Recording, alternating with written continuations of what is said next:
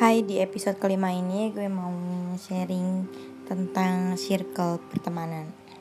Menurut gue, circle pertemanan itu adalah satu lingkaran yang mengacu kepada kelompok atau pergaulan yang terbatas.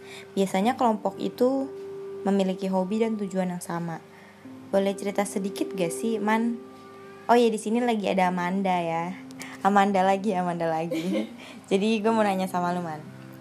Menurut lu, penting gak sih tuh circle pertemanan itu? Menurut gue circle pertemanan itu penting ya kalau di mana pun kita ada. Karena kita namanya makhluk sosial kita nggak nggak bisa tuh hidup sendiri. Kayak namanya makhluk sosial berarti kita nggak bisa tanpa orang lain tanpa bantuan orang lain. Jadi tuh kalau misalnya kita punya circle apalagi kalau misalnya kita tuh sefrekuensi sama circle kita tersebut bakalan enak banget deh ngejalanin hari-harinya gitu. Kalau ada masalah juga kita jadinya nggak ngerasa sendiri nggak ngerasa terpuruk gitu. Pasti ada yang selalu bantuin kita gitu.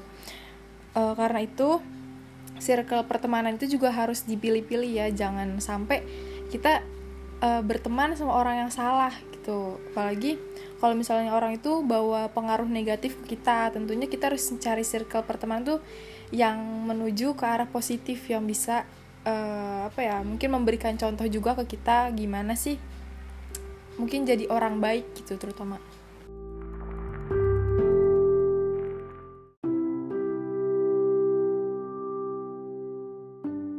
dalam suatu pertemanan pasti ada dong namanya toxic people. Toxic people itu menurut gue orang yang membawa pengaruh buruk ke kita dan ke lingkungan circle kita. Gue pernah waktu SMK punya temen toxic kayak gitu. Banyak sih sebenarnya.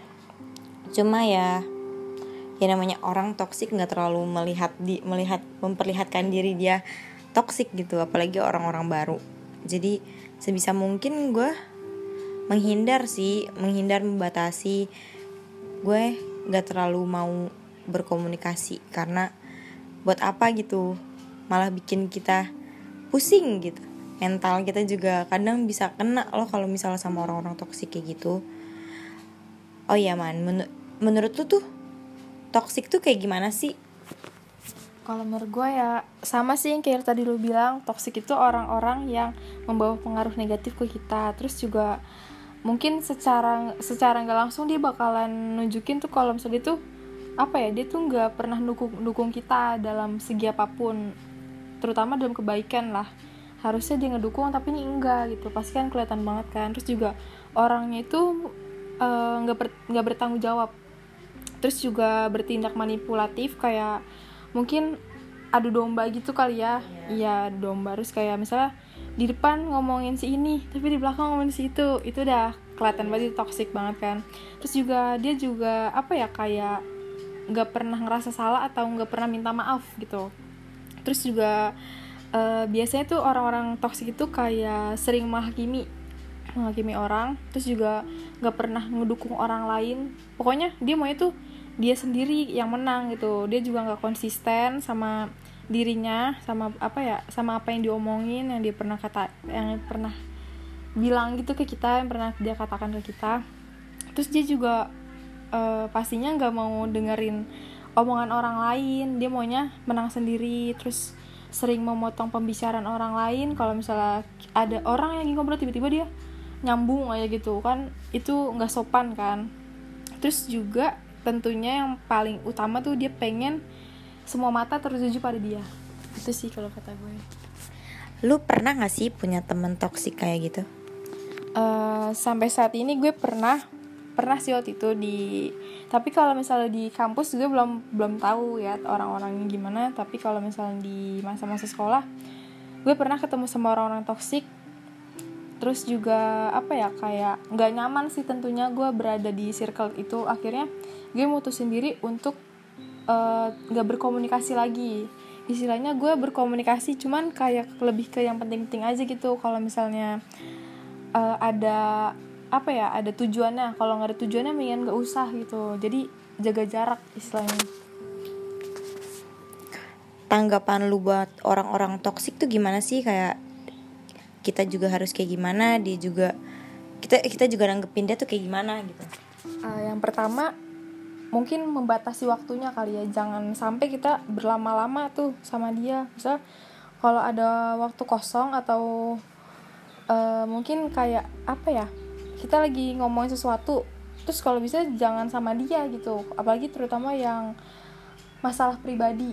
Ya karena udah tahu orang tuh toksik ngapain kita pakai cerita gitu. Terus juga uh, mungkin bilang enggak gitu. Misalnya ada temen kita yang nanya kayak kalau nggak temen sama lagi eh nggak temen lagi sama dia harus bilang aja kayak nggak ah gitu. Tapi jangan kasih tahu kenapa iya alasannya. Karena itu sama aja kita ngadu domba kita atau iya kita sama, sama toksiknya terus juga utamin aja deh diri sendiri daripada lu terus-terusan berteman sama orang yang bikin lu nggak nyaman yang bikin lu apa ya kayak pusing sendiri gitu kalau ngadepin dia.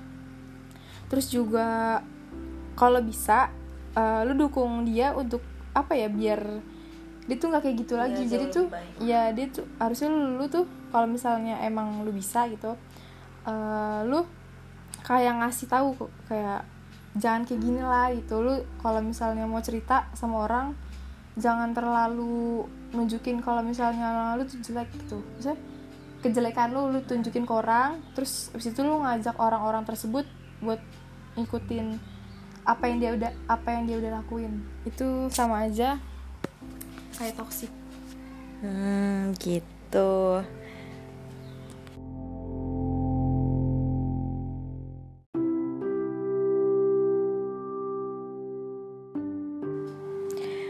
Tapi menurut gue hubungan toksik juga bisa diperbaikin sih kalau kedua orang itu sama-sama berkomitmen untuk ngatasin dengan banyak komunikasi terbuka, jujur, refleksi diri, dan bahkan dengan bantuan profesional secara individu dan bersama. Tapi balik lagi sih dari masing-masing orang, orang itu mau berubah nggak? Kalau orang itu nggak mau berubah ya udah nggak usah dipaksa, mending lu jauhin aja, gitu. Sekian podcast gue kali ini, semoga yang dengerin juga termotivasi.